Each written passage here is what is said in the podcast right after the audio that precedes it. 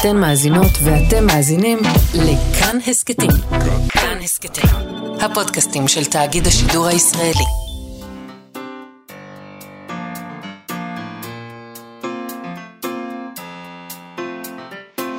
מה שכרוך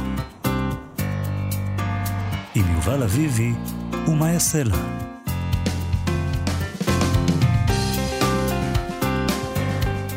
שלום, צהריים טובים, אנחנו מה שכרוך, מגזין הספרות היומי בכאן תרבות, מאיה סלע ויובל אביבי ב-104.9 ו-105.3 FM. אפשר למצוא אותנו גם ביישומון, באתר של כאן, ביישומוני ההסכתים השונים. איתנו באולפן, המפיקה שלנו תמר בנימין, גיא בן וייס על הביצוע הטכני, שלום לכם, שלום מאיה. שלום יובל, אנחנו נדבר היום עם אילי ראונר על ספר הסיפורים החדש שלו, השחקן, שהוא פשוט ספר נהדר. Uh, לעניות דעתי זה הטקסט הטוב ביותר שלו עד עכשיו. השחקן, הוא, זה טקסט עוצמתי, הגוף, הדם, הכלבים, הפראות, המוות בעודנו בחיים. אז מה קורה לו לבן אדם כשהוא מאבד את היכולת שלו לשחק? מי אנחנו כשאנחנו נשמטים ולא זוכרים יותר את השורות שלנו ולא יכולים יותר ללבוש צורה חדשה? עוד מעט נדבר על כל הדברים האלה עם אילי ראונר. נדבר גם על התרגום לערבית של הספר זוכה פרס ספיר של אילנה ברנשטיין. סליחה, מחר ניסע ללונה פארק כמובן, אה, עם יעד ברגותי שלנו, אבל לפני כן, סערה משפטית בזירת הספרים הדיגיטליים בישראל. בוואלה דיווחו אתמול שחנות הספרים הדיגיטלית עברית הוציאה מכתב התראה לחנות הספרים הדיגיטלית המתחרה אינדי בוק. בעקבות פרסומת של אינדי בוק במהלך שבוע הספר האחרון. נכון, במודעה, במודעה הזאת שפרסמה אינדי בוק נכתב ככה: למה לשלם יותר על ספרים דיגיטליים בעברית? המחיר הנמוך ביותר באתר אינדיבוק. בהתחייבות, מצאת מחיר נמוך יותר, נשלח לך קופון בוואטסאפ לקנייה מיידית במחיר טוב יותר. אז האם הם התכוונו לספרים בשפה העברית, או לספרים מחנות הספרים הדיגיטליים עברית? האמת היא שמהניסוח אפשר להבין ככה ואפשר להבין ככה. זאת גם הגאונות שלו כמובן. בח... בחנות עברית חשו שזה חד משמעי ודרשו מהם להסיר את הפרסום, כי לדבריהם הוא מציג אותם כמי שמוכרים ספרים דיגיטליים במחירים גבוהים יותר. מה זאת אומרת הוא מציג? הם מוכרים במחירים גבוהים יותר או לא? זאת השאלה הרי. במכתב ההתראה שהם שלחו לאינדיבוק ניתן האמור בפוסט הנ"ל, ובמיוחד השימוש במילים למה לשלם יותר על ספרים דיגיטליים בעברית, אינו משתמע לשני פנים. ברור לכל מנדבי, מנדבי שהכוונה במילים ספרים דיגיטליים בעברית לספרים הדיגיטליים הנמכרים על ידי מרשתי. מרשתי, אם התחלנו עם מרשתי, זה יפה. Uh, באינדיבוק טוענים בתגובה שהם מציעים ספרים דיגיטליים בשפה העברית. ששייכת לכולנו, במחיר הנמוך ביותר במשך כל השנה, וזאת תוך התחייבות נוספת להעביר ליוצרים ולהוצאות הספרים תמלוגים הוגנים וגבוהים יותר מאשר אצל החנויות המתחרות. בתגובה שמנהל החנות אה, אינדיבוק העביר לכתבה אה, בוואלה, נאמר ככה: הטענה כאילו למישהו יש בעלות מוחלטת על המילה עברית, מגוחכת. ברור שאין מאחוריה טיעון משפטי, אלא מדובר בניסיון של מונופול בפועל, סליחה, לכפות על השוק מחירים גבוהים ולמנוע תחרות. זה מה שהוא אמר. אה, אני איני משפטן, אה, ולכן אה, אני לא יכול להגיד מה, מה, מה יתקבל בבית המשפט, אבל אני חושב שאפשר לטעון. הם יכולים לטעון בתום לב שהם באמת התכוונו לשפה העברית, לך תוכיח שזה לא נכון. זו אשמת עברית, החנות. עברית, שהם בחרו בשם לחנות שלהם, שהוא מילה שכולנו משתמשים בה כל הזמן. הם בחרו בה בגלל שאנחנו משתמשים בה כל הזמן, נכון. זה לא אשמה, זה הרעיון. לא יכולים להגיד שכל פעם שאנחנו אומרים תשמע, עברית... תשמע, הם יכולים לטעון בתום לב, אה, לתום לב, אבל אנחנו לא חייבים כמובן להאמין לדבר הזה שהם טוענים. אנחנו יכולים גם לחשוב שיש פה תעלול מילולי לכל הפחות. אה, והשאלה האמיתית אולי היא, האם זה נגד החוק אה, לאדם לומר, למפרסם, להגיד, אני יותר זול ממישהו אחר? זה מה שלא ברור לי. אסור לי להגיד שהסופר שבו, סופר מאיה הוא יותר זול מסופר יובל? כלומר, ולהגיד לאנשים, אה, ואם תמצאו שם משהו במחיר אה, יותר זול משלי, אז אני אפצה אתכם? נשמע לי מאוד מוזר אם אסור להגיד את זה, אבל באמת אינני יודעת. חוץ מזה, נזכיר, אפרופו הטענה לבלעדיות על העברית, אה, לא רק השפה נקראת עברית ולא רק חנות הספרים נקראת עברית, יש בישראל גם הוצאה שנקראת עברית, הוצאת ספרים, שנוסדה בשנת 2004, עוד לפני שהוקמה חנות הספרים הדיגיטלית עברית ב-2010. אה, אפילו דיברנו עליהם השבוע, שם יצא הספר החדש של הלל כהן, שונאים סיפור אהבה על מזרחים וערבים ואשכנזים גם, מראשית הציונות ועד היום, שנמצא כעת ב-Head Start בגיוס כספים. יוסף כהן, המו"ל של הוצאת עברית, כתב אתמול בפייסבוק שרבים שאלו אותו אם במכירה המוקדמת של שונאים סיפור אהבה, של הלל כהן, אחיו אגב, זה האחים כהן, יש אופציה לספר דיגיטלי. עד עכשיו התשובה הייתה שלילית, הוא אמר, אבל לא עוד, אחרי שהם צלחו תלאות טכנולוגיות ולוגיסטיות, אה, הם עכשיו מציעים למכירה 100 עותקים אלקטרונים בהדסטארט שם, אה, של הספר, הוא אפליקציית עברית, זה עברית, היא באי. בניגוד לאצלו שזה ב-I. Uh, הוא גם הוסיף שהוא לא יודע לגבי הסכסוך המתוקשר שלהם עם אינדיבוק, אבל היחסים בין עברית הוצאה לאור לעברית האפליקציה, דווקא סבבה. אה, אז אכן אה, שונאים אה, סיפור אהבה. עברית ועברית יכולים, יכולות לחיות יכולות ביחד. יכולות לדור בכפיפה אחת. בהחלט. נכון. וגרה עברית עם עברית, והכל יהיה בסדר.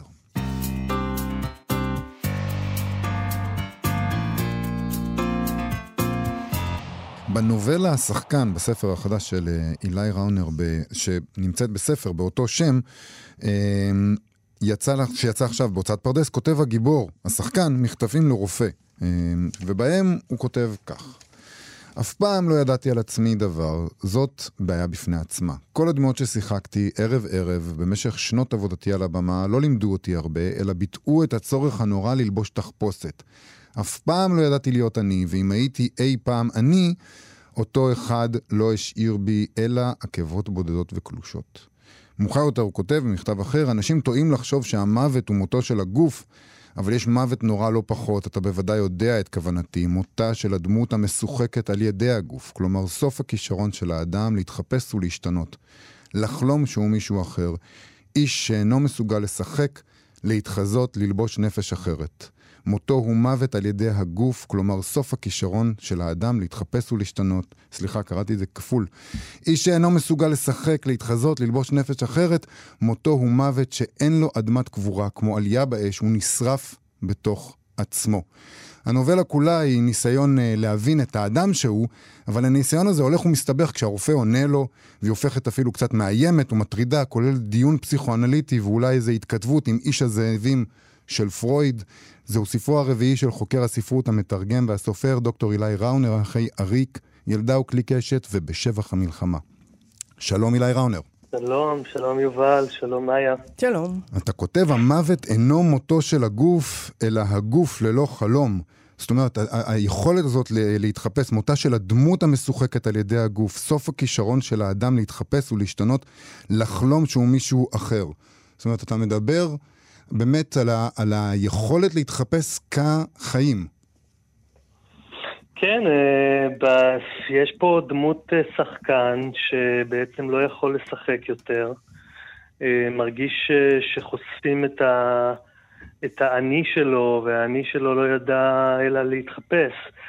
ובעצם יש כאן איזשהו משבר אמונה או משבר חיים, משבר קיומי רציני שמפרידה את, את הגוף שלו, את גוף החיים, הגוף החי, מגוף המשחק, מגוף הלבוש. אה, ולכן אה, יש, הוא נדרש בעצם להתמודד, להתמודד עם עצמו לראשונה באיזשהו מקום, להתמודד עם, ה, עם הבשר ודם שבו, עם היותו בן תמותה, במובן הכי... אה, הכי מרכזי, הכי מהותי אה, של, ה, של המושג, של המונח להיות בן מוות. כלומר, אה, תעצרו אותי אם אני ככה מלהג, אבל כן, זאת הסיטואציה... שזה הזמנו אותך, אילי. אה, יופי. אבל יש משהו בזה שאתה, לאורך כל הנובלה הזאת אתה מדבר על הגוף בעצם. אתה לא מדבר על הנפש. ברור שיש את הנפש, אבל הגוף הוא דבר מאוד מאוד מרכזי פה. כן, כי אה, בעצם הגוף נחשף, אה, הוא לא הופך, הוא לא יותר, מבחינת התודעה, נכון, יש תודעה שאינה יותר פונקציונלית, הוא לא יותר, הוא לא יכול לחשוב בצורה רציונלית, הוא עובר איזה משבר באמת, אה, איזה דיכאון או איזושהי חוויה קשה. הוא לא יכול ליצור יותר, ואז באמת הוא נדרש לעמוד מול גופו. אה, ולהיות גוף, להיות גוף חי, בלי בעצם תלבושת, בלי דמויות, בלי הדמיה. אה, ואז אה, השאלה היא באמת מה, מה הגוף דורש ממנו, מה הגוף מבקש, מה הגופניות הזאת, ש, ש, שאיזה שפה בעצם יש בה, הרי אנחנו כל הזמן גוף. וכל הזמן מסתירים את עצמנו על ידי זה שאנחנו מתלבשים למשל. נכון. ו, ו, ובעצם השאלה היא באמת מה, מהי הגופניות הזאת ש, שהיא שתוקה, שהיא שקטה, שהיא נמצאת כל הזמן, אנחנו לכודים בה. אה, ובעצם מה שקורה במהלך הנובלה זה שהוא אה, נזכר או מגיע לאיזה מקום פרימיטיבי מאוד שבו יש אה, מעין להקת כלבים שמאיימת לטרוף אותו. אה, בילדותו, או לפחות ככה הוא מרגיש. אה, בעצם הוא, הוא נדרש באיזשהו מקום לעבור איזושהי מטמורפוזה אה, שהספרות מאפשרת, כן? הספרות מאפשרת לנו לדמיין איך אפשר להחליף צורות חיים או ליצור מצבים היברידיים כאלה בין חיה לאדם. וגם בצורה פסיכואנליטית אולי אפשר להגיד שהוא הכלב, אה, או איש הזאבים, או דיברתם, הכלב בעצם דורש ממנו אה, להשתנות, אה, לעשות צורת כלב, או להיעשות בצורת כלב. איזושהי תנועה אחרת. או, או להיות אולי פראי, פשוט, להתחבר לאיזה משהו פראי. יכול להיות, הוא, כן, או שהוא פשוט נדרש לי, להתערף, מה שנקרא, כן. לתת לעצמו להיות נטרף. אתה, אה, אתה מחזיר אותו בעצם לאיזשהו מקום, בעצם אתה אומר, כשאתה נגמר לך היכולת להתחפש, נגמר לך היכולת של הכישרון, אתה מגיע לאיזה dead end מהחיים שבנית לעצמך, אתה מחזיר אותו אחורה ואתה נותן לו עוד הזדמנות אחת להתחפש, להפוך למשהו אחר, לעשות מטמורפוזה.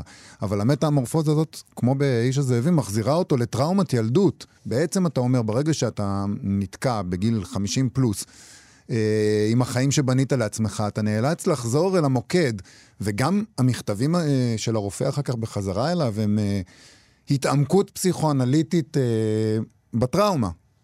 נכון. אה, כן, אה, זה בדיוק זה.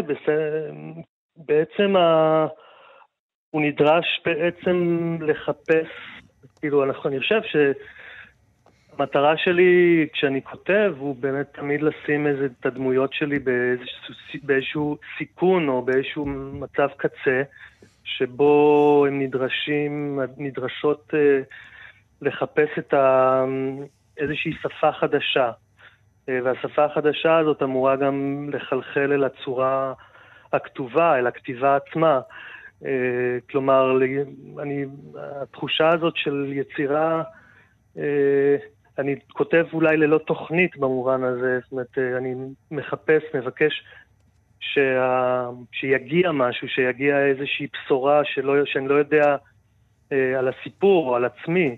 ולכן כאן, יש כאן איזשהו, אה, הלכה למעשה, איזושהי אה, טרנספורמציה שהיא עדיין זרה או לא ידועה עדיין, אה, והמכתבים ממש מנסים לברר את זה. זאת אומרת, יש מחקר אה, פנימי אה, שאולי אפשר לחוש בו, אני מקווה שחשתם,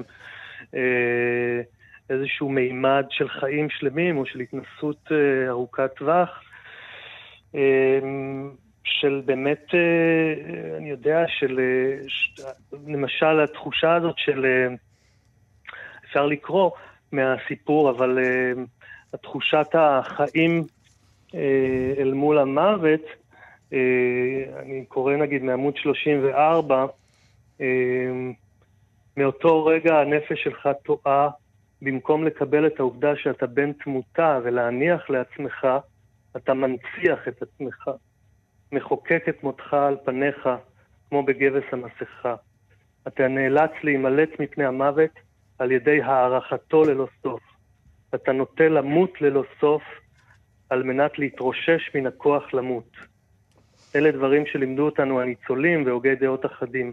פניך מחבירות כסיד, מסכת המוות נקרשת על פניך, אתה מכסה את ראשך בסליחה, כך כתבת. אתה יודע לשחק, אבל המשחק הפך לנורא. ובכל זאת, בניגוד למוות, למוות חסר הפנים, אתה בעל פנים. ולכן, במידה מסוימת, אתה בעל תקנה. וטוב שכך. כן, אז אה, הרגע הזה של מה זה לחיות מוות ללא סוף. ויש מסכת מוות גם באגוניה, זאת אומרת, יש, זה, זה, בסיפור הבא, אחרי זה, mm-hmm. הייתי אומרת שכל הסיפורים יש בהם את, ה, את הדבר הזה, ויש גם את ה... אתה, באגוניה אתה אה, שואל את... אתה, המספר, כותב, אלוהים, למה אתה לא אומר דבר? למה אתה לא שם לזה סוף? אולי משהו באובדן הדעת הזה שייך גם לך, משהו מן הצורך לפתור את החיים מבדידותם, חודר גם אליך, יוצא גם ממך. שזה משהו מפתיע. אתה שואל את אלוה... אלוהים, למה אתה לא אומר דבר? אלוהים, למה אתה לא אומר דבר? כדי להשתחרר, כדי... כדי, את בכלל, הפנייה לאלוהים, יש בה איזה משהו, אה, זאת אומרת, אתה, אתה, אתה מדבר על הגוף, אתה מדבר על פראות, ואז אה, הולך אה, לאלוהים, המספר שמסתכל על האלמנה הזאת, הוותיקה. כן. והוא אומר, מה עם אלוהים? וואו, אני, האמת שאני לא זוכר את הקטע הזה, אבל אה, אולי זה מין סוג של אה, קריאה לעזרה, אבל... אה, אה, אני חושב, אה, זאת אומרת, אולי נזכיר על מה הסיפור. בבקשה. באגוניה, אז אה, בעצם יש אה, אלמנה אינסופית כזאת, שגם חיה באיזושהי אה, אה, תחושת אבל אה, אינס, אינסופית או מתמדת. במובן הזה יכול להיות שיש כאן איזושהי חוויה דומה של, אה, אה, לא יודע, של באמת אה, מלנכוליה גדולה. אה, והיא נפגשת על, אה, במקרה על ספסל בגן הציבורי אה, סביב מלחמת העולם הראשונה או אחריה, אה, עם צעיר, עם איש צעיר, וזה פחות או יותר מתרחש, אני לפחות ראיתי את זה בפריז או באיזה מקום אירופי. ושם היא בעצם רואה את. החייל שלה, את, את האהוב שלה בפנים של הצעיר, גם לאחר שעברו 20 שנה אה, או יותר אה, מאז מותו, מאז שהוא נפל. ובאיזשהו מקום היא מתאווה להלביש את פניו של, ה, של החייל או של החבר הראשון שלה על פניו של הצעיר, ובעצם, כן, גם ליצור איזשהו שינוי פיזי, שינוי גופני אצל, ה, אצל, ה, אמ, אצל מי שהיא פוגשת. אבל מה שיפה זה שגם הוא רואה אותה. נכון. זה לא רק היא רואה אותו, גם הוא רואה אותה, הצעיר הזה על הספסל. כן, הוא מאפשר לה לעשות נכון. את זה, והוא שואל את עצמו באמת, מאיפה זה מגיע? מאיפה אני כל כך אה, קרוב, לתח... קרוב או להבין את, ה... את הכאב הזה שלה, את ה...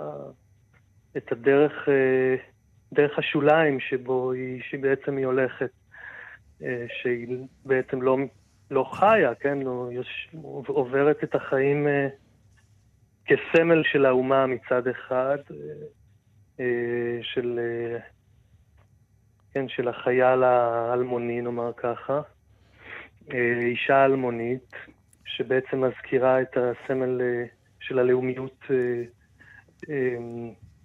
הצרפתית, נאמר, או בכלל, ומצד שני, אה, איפה היינו? אבל למה, יש לי שאלה... היא מחוץ אה, לחיים, כן, למה, היא, היא, היא, היא כאילו מאובנת, אתה מתאר אותה מאובנת, mm-hmm. כמו אחד הפסלים, היא יושבת על הספסל, אה, משהו בגוף התאבן, ויש איזו השתנות אצלה. ברגע שנהיה דיאלוג והוא מסתכל עליה, הבחור הזה, אתה, אתה מתאר ממש את השינוי של הפנים שלה, משהו בגוף שלה משתנה. כן. למה בחרת להרחיק את זה, אבל אה, למלחמת העולם הראשונה, וגם לנו יש מלחמות ואלמנות, מעניין אותי, למה הלכת לשם, לצרפת? האמת שזה סיפור שנכתב לראשונה לפני 20 שנה. אה, אפשר להזכיר שחלקו זכה בתחרות הסיפור הקצר של הארץ בשנת 2001. אז אה,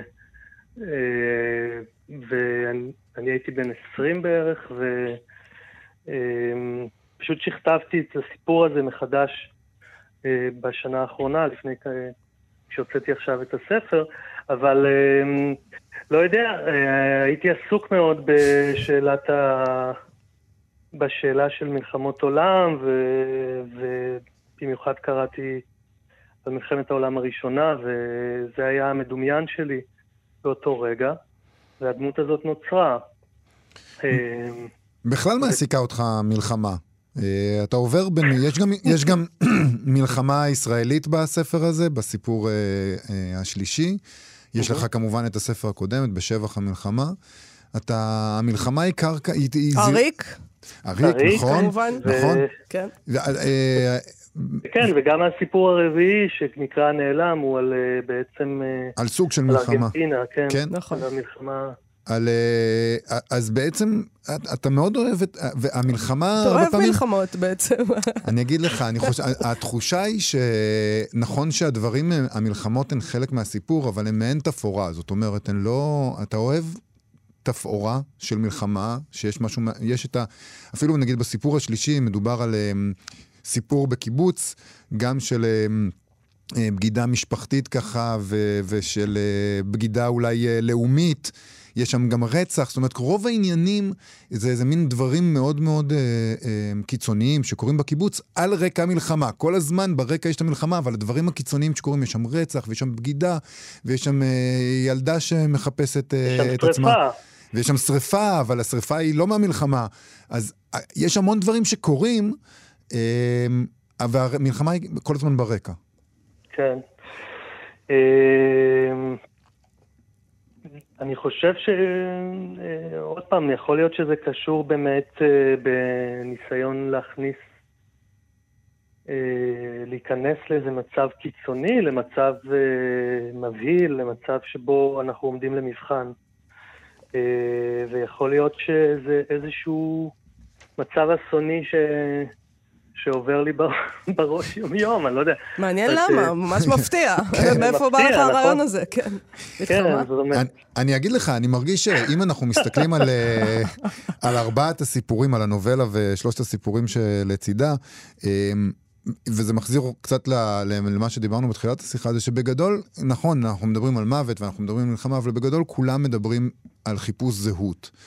ואתה כן. שם את, ה, את מצבי הקיצון האלה, אמ, אולי כי כשיש מלחמה אז כולנו באמת שואלים מי אנחנו ומה אנחנו בתוך המצב, ה, בתוך המצב החדש הזה. Mm-hmm. והתחושה היא גם הרבה פעמים שהסיפור מסתיים בלי פתרון חד משמעי. אתה לא נותר, אתה, הגיבורים שלך מחפשים אחר הזהות שלהם ולא מוצאים אותה, וגם אנחנו הקוראים הרבה פעמים מרגישים ככה שהאדמה של הסיפורים קצת מעורערת, היא נשמטת לנו מתחת לרגליים, אולי גם הזהות שלנו קצת מתערערת. ובכל העניין הזה, יש איזה עניין של אה, חיפוש זהות, שהוא mm-hmm. לא יסתיים אה, עם איזה, עם איזה פתרון נהדר שבו כולנו מגיעים לזהות שלנו ומבינים מי אנחנו.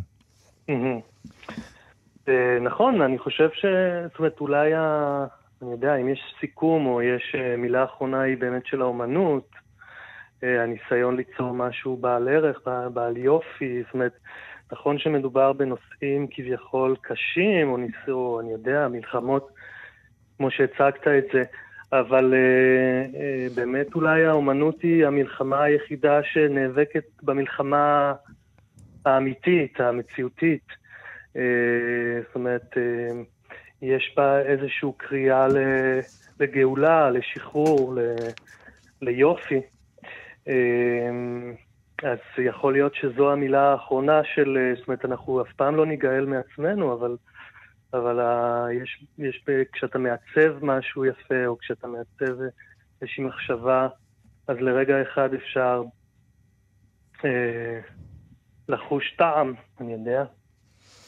אילי ראונר, השחקן, ספר נפלא, אילי ראונר, תודה רבה לך. הוצאת פרדס. תודה, תודה להוצאת פרדס, לעודד וולקשטיין על העריכה. נכון, להתראות. להתראות. ביי. עכשיו, ערבית ספרותית. אנחנו ב"מה שכרוך" בכאן תרבות, עם הפינה הערבית ספרותית, עם הסופר ועורך המשנה של סדרת מכתוב מבית מכון ון ליר, יעד ברגותי, שמספר לנו על הנעשה בעולם הערבי, הספרות הערבי כמובן. שלום יעד. שלום לך, מאיה. אהלן. אז אנחנו מדברים, אה, אנחנו מדברים על אה, מחר ניסע ללונה פארק, נכון? כן, כן. מחר נסע ללונה פארק, היום ניסע לתל אביב, ליפו. ליפו, ניסה, היום כן. ניסה ליפו להשקה, בוא נגיד, כן, של אה, כן. התרגום לערבית של מחר ניסע ללונה פארק של אילנה ברנשטיין. זה יהיה בקפה יפה בשבע היום בערב. אה, גם אתה תשתתף, שייח' חליוה, אברהים אגבאריה, מונה אבו בכר ושירי לאופר. אה, אז בוא נדבר על התרגום הזה. זה, זה, זה תרגום אה, הראשון בעצם של אה, סדרת מכתוב בשיתוף פעולה עם דר לילה לספר מעברית לערבית. אה, הרי כל הזמן עבדנו על ספרים, ש... אה, על ספרות, אה, סיפורים, ספרים רומנים, מילים היסטוריים, מ... מערבית לעברית. הפעם יש לנו ניסיון חדש, חוויה חדשה של תרגום של הספר בעצם, שזכה בפרס ספיר בשנת 2019, כן. בפארק, ו... וזו חוויה בעצמה לתרגם את הספר הזה עם כל ה...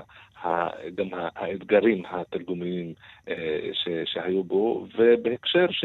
שבו יש באמת מעט מאוד אה, נעשה בשדה הזה, בכיוון הזה של תרגום אה, מעברית לערבית.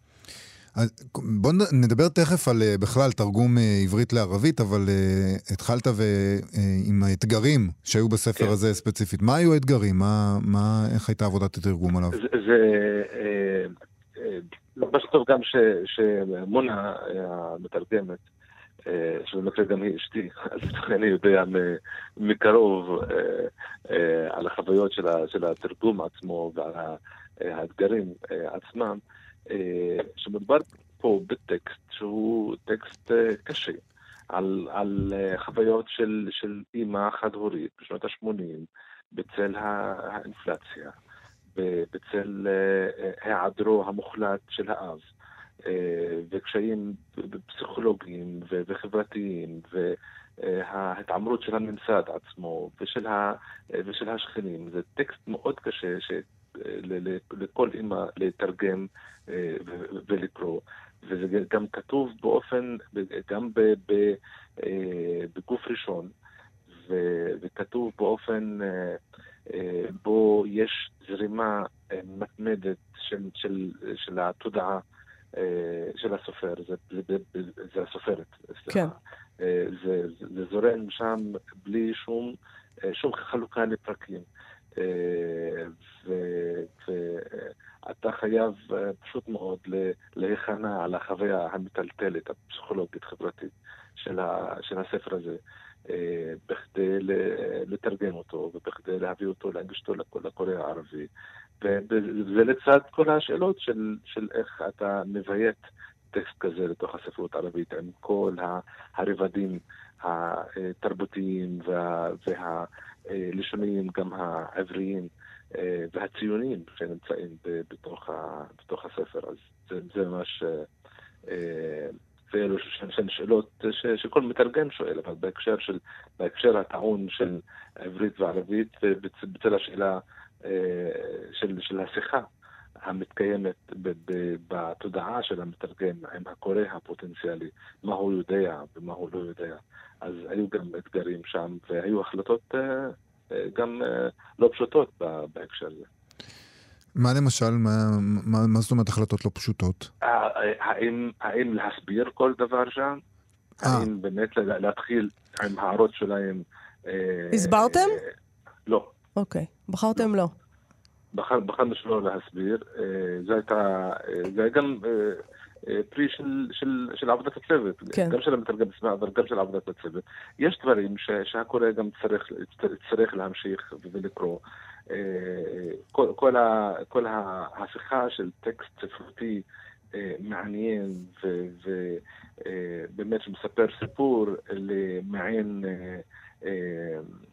שוב, לפעמים הטקסט עצמו הופך להיות הערת שוליים של, ה, של ההסבר התרבותי של, כן. של, ה, אבל מצ. מצד שני, כמו שאמרת, כמו שתיארת את הספר uh, בהתחלה, יש בספר הזה גם משהו מאוד מאוד uh, גלובלי, מאוד קוסמופוליטי. הרבה מהדברים בו יכולים לי... Uh, כל, אולי כל הורה יכול להזדהות איתם. זה מקרה קיצון של הורות, זה מקרה קיצון של כן, אולי... uh, כן. של המצב כן. הסוציו-אקונומי שבו נמצאת הגיבורה בספר, אה, אבל בעצם אה, יש בו משהו שאפשר להעביר אותו בעצם לכל שפה. אה, אין ספק, אין ספק ש, שהרומן עצמו יכול, אה, והוא גם, היא כותבת, אה, אילנה כותבת את, ה, את הדברים האלו גם בתוך הטקסט עצמו, כי הטקסט בעצמו גם הוא על כתיבה. ועל שאלה מהי כתיבה ואיך הכתיבה עצמה תוכל להיות ריפוי אה, לאדם, אה, לאדם הכותב, והיא כותבת שזה ספר על, על אימהות, זה ספר לאימהות, ושה, שה, אה, שכל אבא יכול, כל, אבא יכול גם להבין דרכו איך האימהות מרגישות, גם במקרה הקיצון הזה, אבל נכון ש, שגם ההקשר של המקום הוא, הוא מינימלי שם. היא מתארת את ירושלים כעיר שהלב שלה מאבן, והיא מזכירה את כל ההיסטוריה של, של, של יפו. אה, שהייתה פה עיר אה, קודם, במשפט אחד, כאילו כל ההיסטוריה, כל הנרטיב של, גם של, של הנכבה של מה שקרה ב-48, זה משפט אחד. הקונטקסט, במיוחד של, של המקום, ובמידה גם מסוימת של הזמן, אה, יש שם שנות ה-80, אבל, אבל זה ה, ה, המסע בתוך נבחי הנפש של הדמות המרכזית שהיא המספרת עצמה והיא הכותבת עצמה, הוא, הוא הקונטקסט. המרכזי. שיכול להיות שבעיניים ערביות שקורות את זה, הן פשוט רואות דברים שאנחנו לא רואים, כלומר, בשבילנו זה כמעט שקוף. בסדר, ירושלים זה, אבל פה זה טעון מאוד מאוד מאוד בעצם אה, כן. לעיניים ערביות שקורות. אה, מעניין מה, לפחות הקוראים ש, שקיבלו את הספר עד עכשיו, מאוד אהבו את הספר. אה, כולם אמרו כמה, שזה מעניין, כמה שזה... אה, אתמול סופרת אמר שזו, שזה רומן מטלטל. בשבילה. ופחות היה דיבור על, על ההקשר הפוליטי, בגלל אולי הספר עצמו, שזה, שזה גם משהו שהוא, לדעתי, זה אקט שהוא מחדש בכל ההיסטוריה הדלה של התרגום מעברית לערבית. שפה מדובר בספר שהוא לא ספר פוליטי. נכון. אלא הם... פוליטי, במובן הזה שהעוני הוא כן. פוליטי. זה...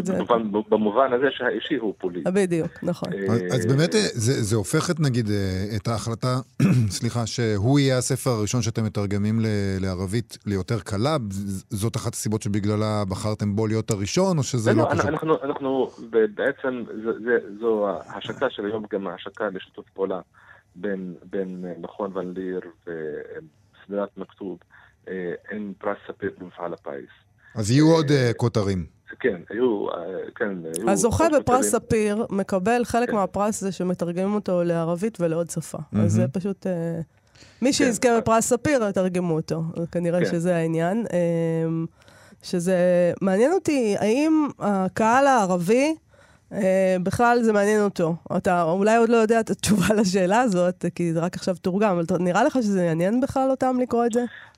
תראי, אה, אה, זה לא הספר הראשון ש, שמתורגם, א', מספיר, זה כבר עשר, לפחות עשר שנים, לפי דעתי, הספרים מתורגמים. כן. ואין, אנחנו לא רואים עניין רב בתרגום, בתרגום הספרות העברית לערבית, שזה אה, שיש לזה סיבות אה, פוליטיות ויש לזה גם שורשים, ש... וזה גם נושא שאנחנו יעני, נהיה מעוניינים אה, לשנות, כי מדובר פה בספרות, והספרות בעצמה היא מקור גם, גם של ידע, ידע עמוק, במיוחד בהקשר שיש בו המון, המון בורות. ולדעתי אי אפשר להכליל על, על הקהל, אה, ברור, אבל בוא נגיד ש, שספרות איכותית שמתורגמת מתורגמת טוב ומונגשת נכון, אה, תוכל לעניין אה, קהל רב מתוך הקהילה הספרותית והקהילה האינטלקטואלית הערבית, כי מדובר פה לדעתי באחד הכלים העוצמתיים ביותר בכדי להתעמת ובכדי להבין, ובמיוחד מדובר פה ביצירות ספרותיות איכותיות, אז זה יעניין עוד, עוד אנשים. אנחנו יוצרים את התרגום הזה בהקשר המקומי, ומנסים ללכת, ללכת עם זה באמת לקהל שמחכה ליצירות חדשות, לחוויות ספרותיות חדשות. אז רגע, אני, לא, אתה, אנחנו מדברים כל הזמן אה, על, על אה, ערבים, אה, קוראי ערבית שקוראים, שחיים פה, אבל יש כבר, אתה יודע, יחסים עם כל מיני מקומות, במיוחד נגיד עם האמירויות, ששם יש סצנה ספרותית שוקקת. יכול להיות שהקהל לא צריך להיות רק מקומי, אלא יש את כל העולם הקורא הערבית שיכול להיחשף לזה. מה זה? מיליונים יש לך. זה, האמת שיש כאן פוטנציאל נהדר. מיליארדים, מה? כי פה הישראלים כבר לא קוראים, לא? אז אולי אפשר פשוט לפנות לקהל. למי אכפת מהישראלים בהקשר הזה? אנחנו כמה? שמונה מיליון קוראי עברית, מה זה? זה פינאץ. אה, הפעילות שלנו היא פעילות אה, מקומית.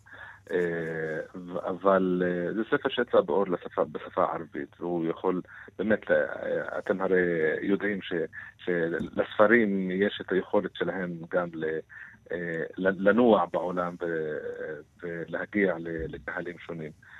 כן, השאלה גם בהקשר, שהיא תמיד מעניינת, בהקשר של ספרות מתורגמת, איך הספרות המתורגמת מבויתת בתוך הספרות שאליה היא מתורגמת, ואיך היא הופכת גם להיות חלק ממנה. אה, אני למשל, כל, כל הספרות המתורגמת ש, שקראתי ב, ב, במשך אה, כל השנים, היא נהייתה לחלק מאותה, בגלל שקראתי אותה בערבית, הייתה חלק גם מה, מה, מהספרות שלי עצמה, שזו שאלה שהיא מעניינת, איך, ה, איך הגבולות בין, בין הזהויות של הספריות גם משתמשים בעת תרגום לשפה אחרת. אז באמת יש פה פוטנציאל, פוטנציאל אדיר ב... אז ברכות על התרגום הזה. הזה. יעד ברגותי, תודה רבה לך על השיחה הזאת. נזכיר, יפה קפה, היום בערב, בשבע, השקה לתרגום לערבית של הרומן "מחר ניסע ללונה פארק" של אילנה ברנשטיין. תודה. תודה בהצלחה. רבה. בבקשה. להתראות. להתראות.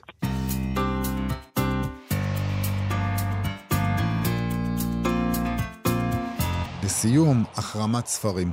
לא מה שחשבתם. הפעם לא אנשי ימין קיצוניים שלא רוצים מגדר או גזע, או פרוגרסיבים שמאלנים שלא רוצים בעצם גם מגדר וגזע בדר... בדרכם שלהם, אלא אנשים שרוב העולם בגדול תומך בהם, האוקראינים, שרוצים להחרים ספרים רוסים.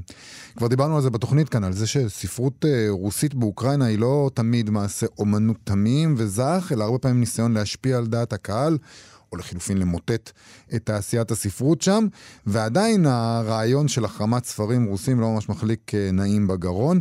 יש שם איזה ניסיון אה, בפרלמנט להעביר מספר חוקים חדשים שנועדו להגנה על התרבות מפני תעמולה רוסית.